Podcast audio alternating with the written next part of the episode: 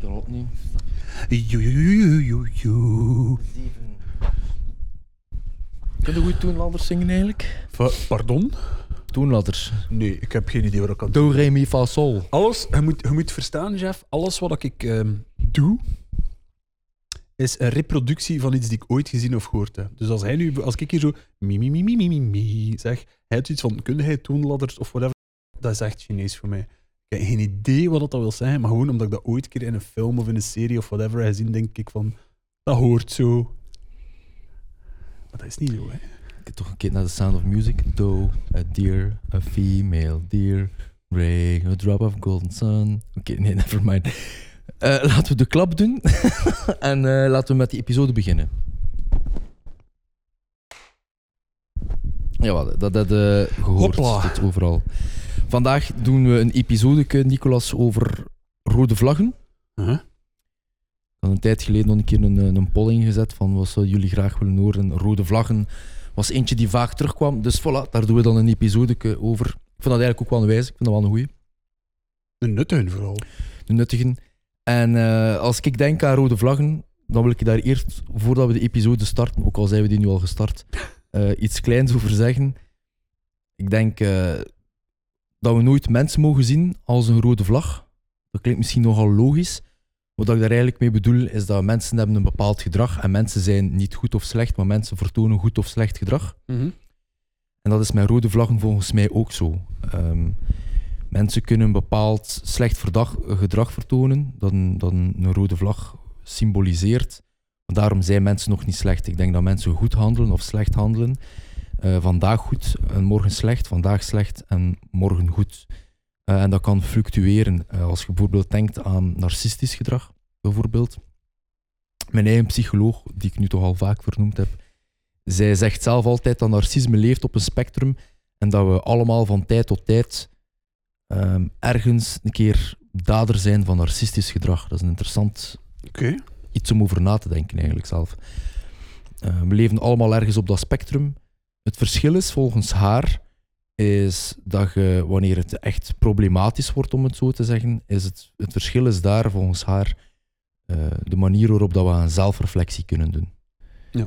Eh, dus bijvoorbeeld, ik ben eh, dader van narcistisch gedrag of van, of van bepaald red flag behavior, om het nu nog algemener te trekken.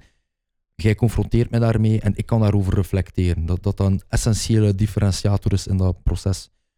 Als je bijvoorbeeld kijkt naar een meer problematische versie van narcistisch gedrag, dan kijken we naar iets zoals bijvoorbeeld NPS of NPD, namelijk narcistisch persoonlijkheidsstoornis of eh, narcistisch persoonlijkheidsdiagnose. Dat zijn altijd toch wel moeilijker woorden. En ehm, daar gaan we ook wel een keer een episode over doen, ergens in de toekomst. We zijn eigenlijk al vrij lang aan het checken hoe dat we narcisme op een juiste manier in een podcast kunnen brengen. Dat zal zeker met een professionele insteek zijn. Vandaar dat wij bijvoorbeeld, dat het interessant is om, om, om te denken over narcisme in de klinische versie, hè, dus NPS, of narcistisch gedrag, zoals dat ik het zeg. Hè, mensen met, met gedrag dat symboliseert in rode vlaggen.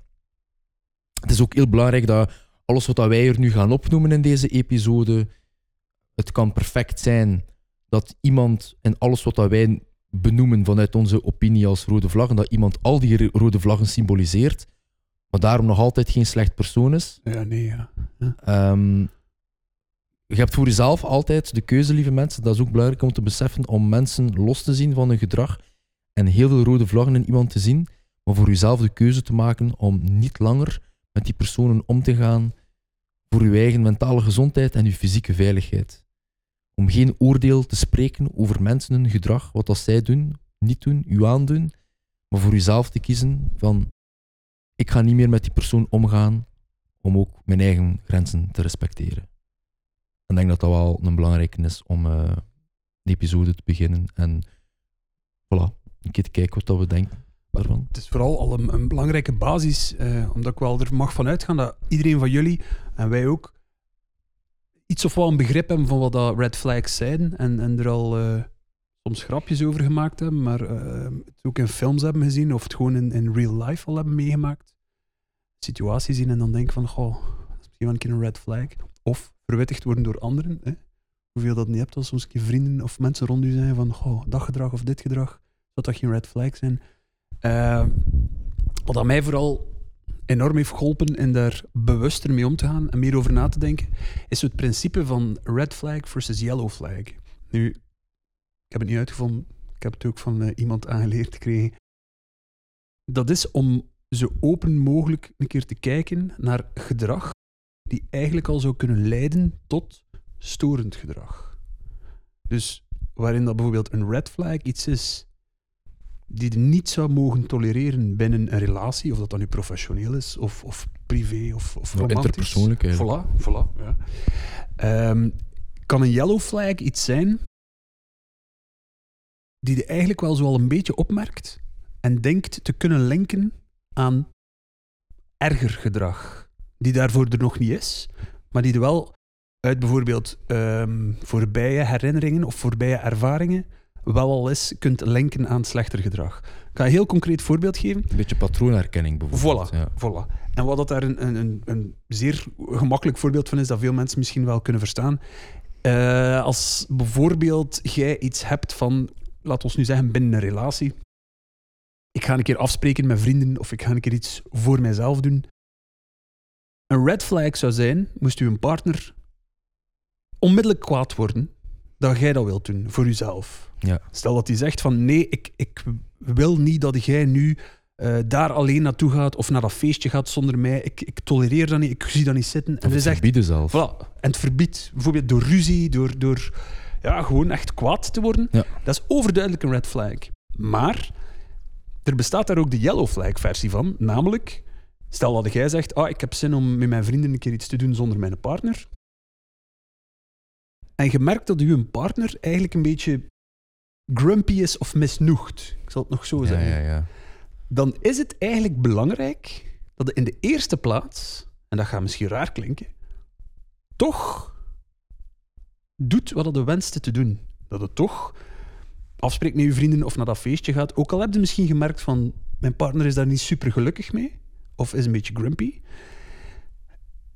Maar dat je daarvoor niet vergeet, achteraf, daar ook een keer een gesprek voor open te trekken.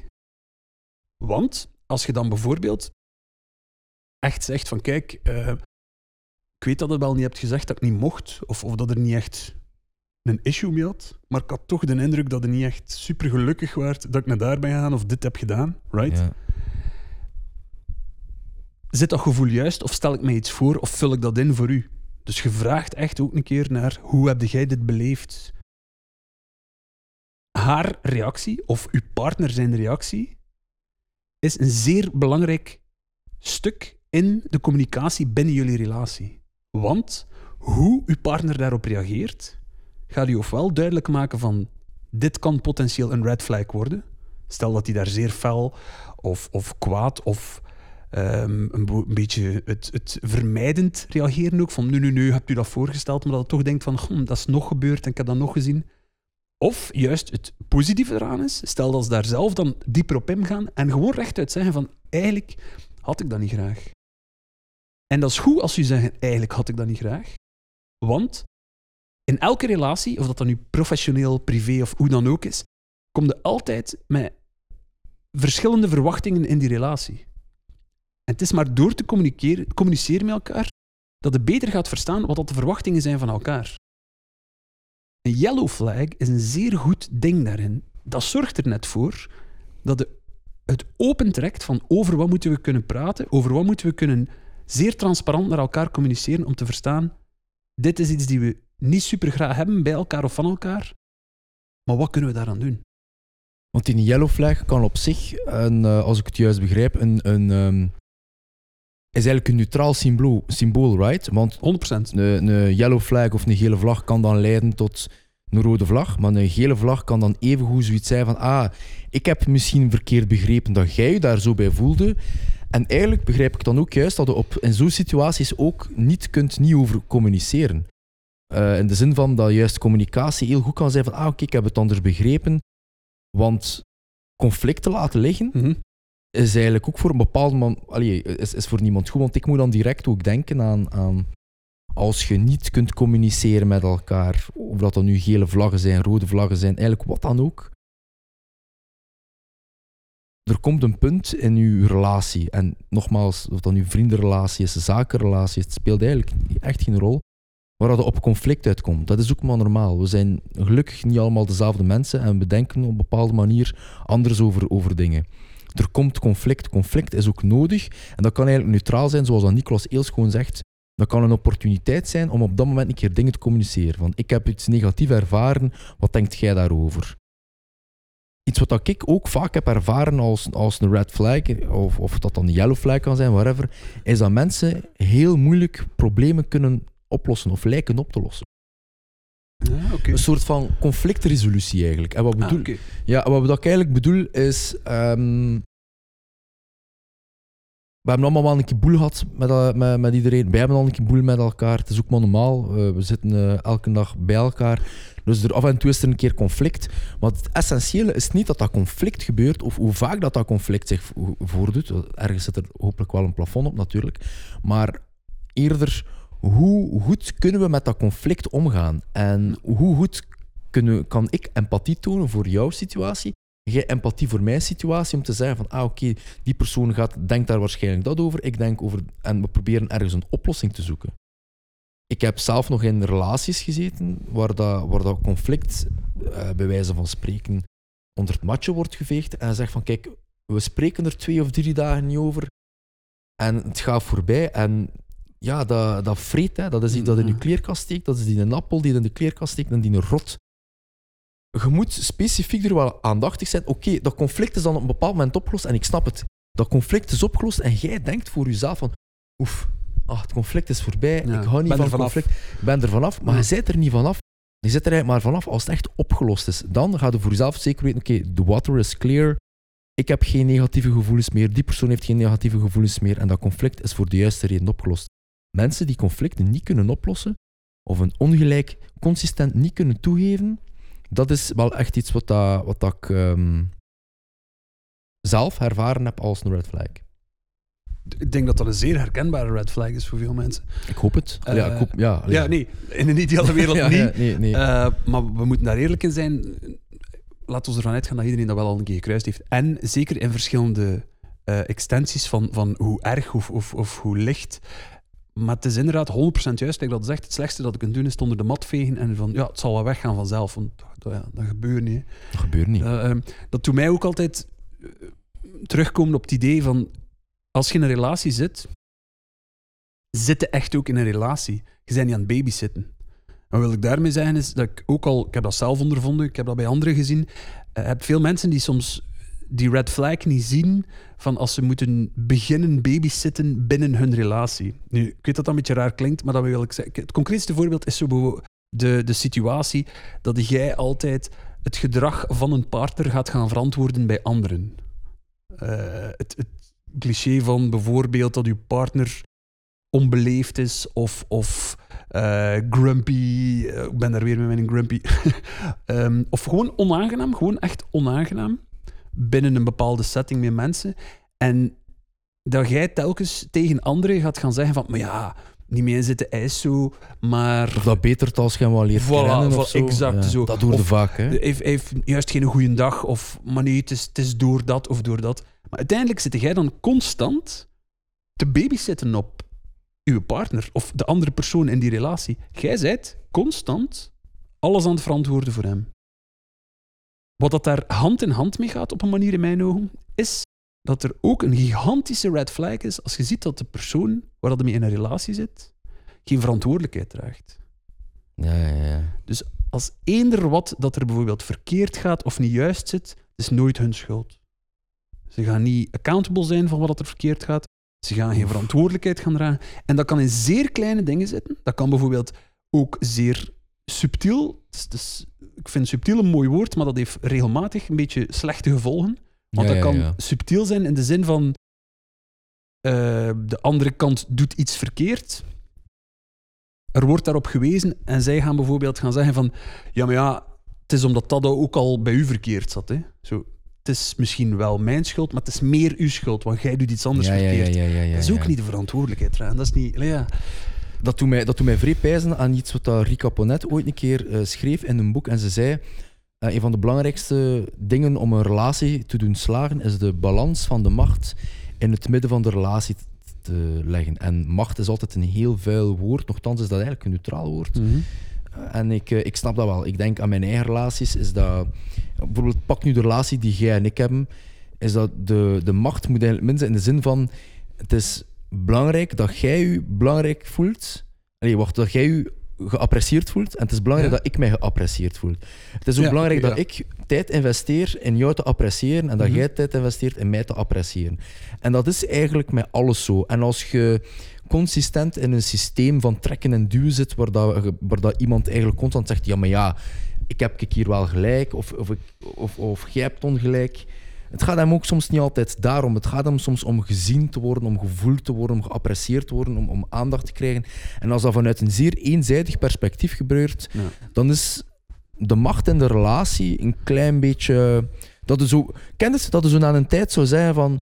"Pff, Amai, weet je wat, ik ga maar zwijgen, ik ga er maar niks over zeggen, dan is het gesprek tenminste gedaan. Ja, nee. dan, Dan- nee, dan is er geen balans meer ook. Of ik ga maar zeggen, weet je wat, je hebt gelijk, terwijl het eigenlijk niet akkoord Ja, om er vanaf te zijn. En dat is, dat is hetzelfde beetje gelijk dat conflictresolutiegedeelte.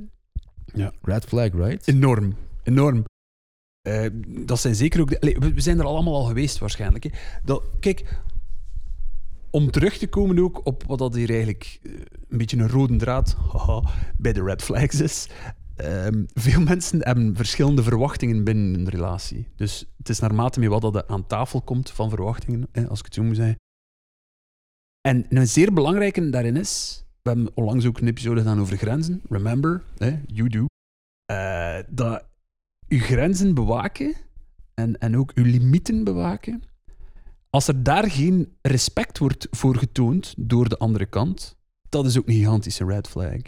Omdat de grenzen die hij opstelt, zijn belangrijk om ook duidelijk over te communiceren. En het is ook zeer belangrijk dat die gerespecteerd worden. Want de persoon die dat niet respecteert, is zeer duidelijk u aan het pushen of aan het rushen in richtingen die jij nog niet wilt of die jij nog niet ziet zitten. Maar als je, als je grenzen, eh, als je een, eh, een, breed synoniem van grenzen zou pakken en je zegt dat dat afspraken zijn, en iemand respecteert de afspraak niet, ja, soms moet je het ook maar gewoon zo bekijken. Hè. Bijvoorbeeld, jij zegt, ehm, ik ga graag van tijd tot tijd met jullie gaan feesten, gaan drinken, whatever dat ook wilt. Want deze donderdag ga ik dat niet doen. Mhm. Dat is op een bepaalde manier, jij geeft je grens af en jij zegt, dat is de afspraak. Hè. Ik ga, dat ga ik met jullie graag gaan doen, maar dat gaan we nu dit moment niet doen.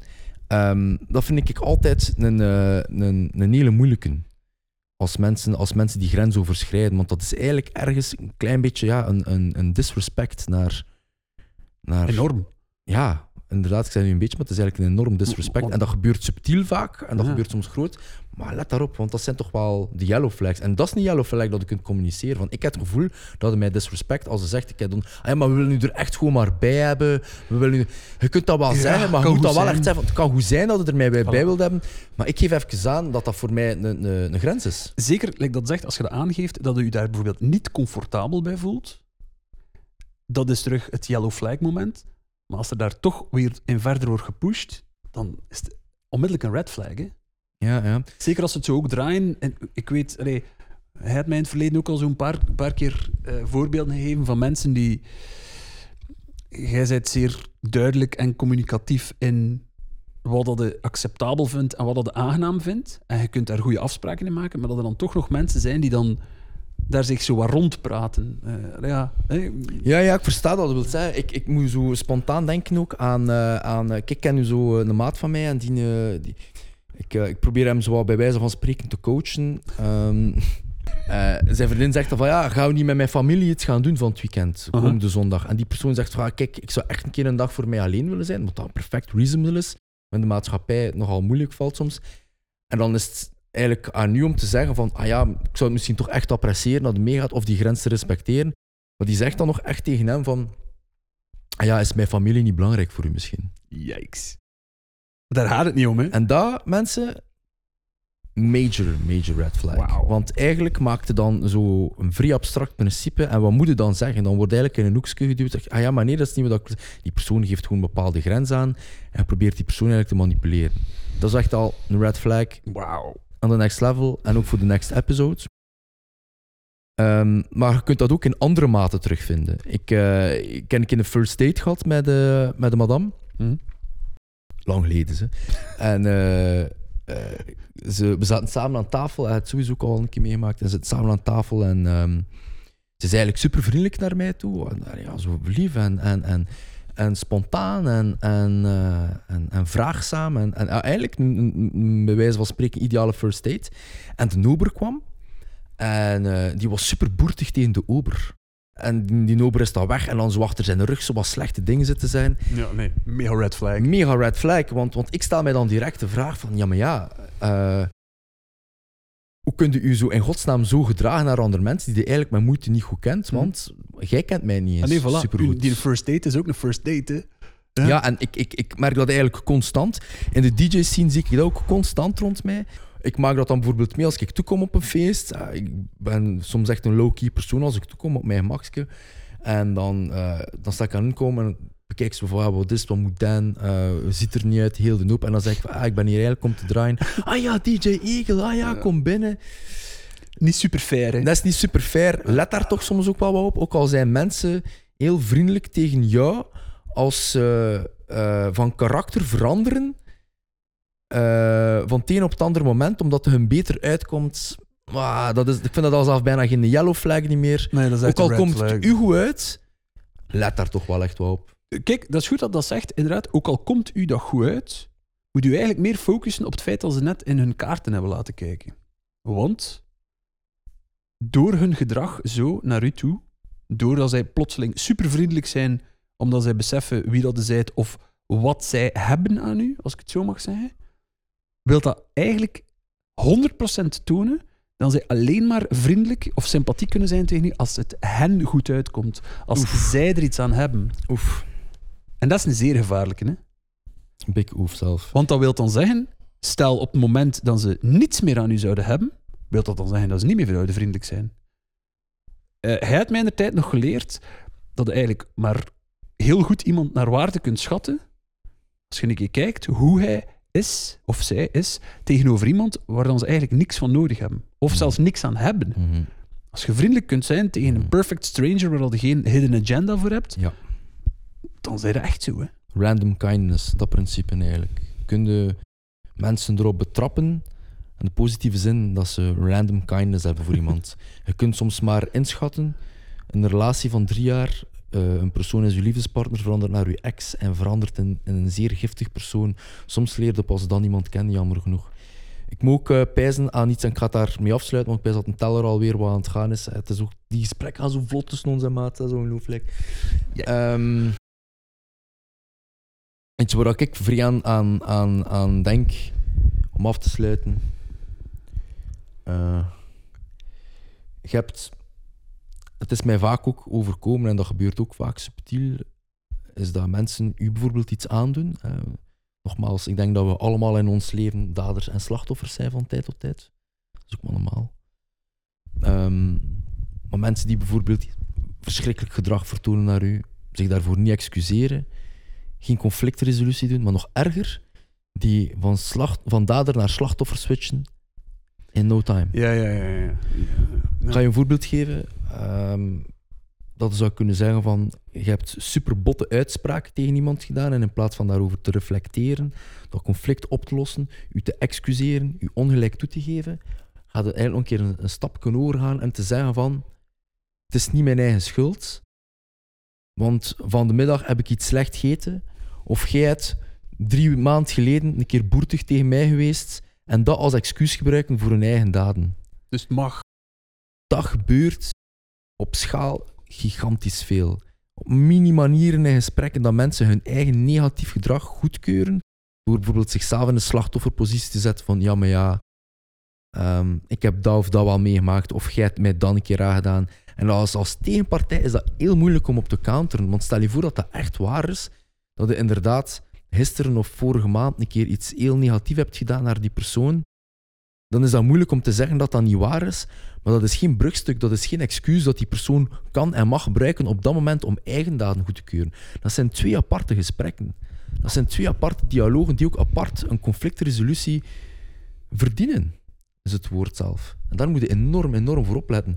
als iemand dat doet, dat kan heel klein zijn, dat kan een yellow flag zijn, dat kan een opportuniteit zijn om erover te spreken, maar spreek er alstublieft wel over. Dat wil ik daar wel even over zijn. Eigenlijk vind ik dat een, een positieve in closing. Hè?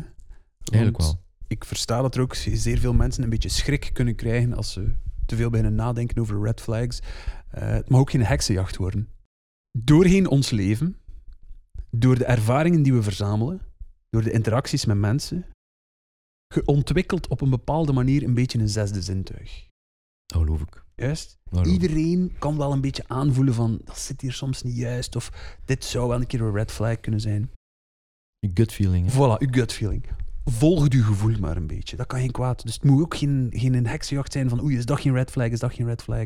Voelt uw gevoel een beetje. We zijn allemaal ehm, emotionele en intelligente wezens die daar kunnen mee omgaan. Wel wil ik gewoon zeggen dat je soms zeer voorzichtig moet zijn dat dat niet te veel beïnvloed wordt door je gewenste uitkomst.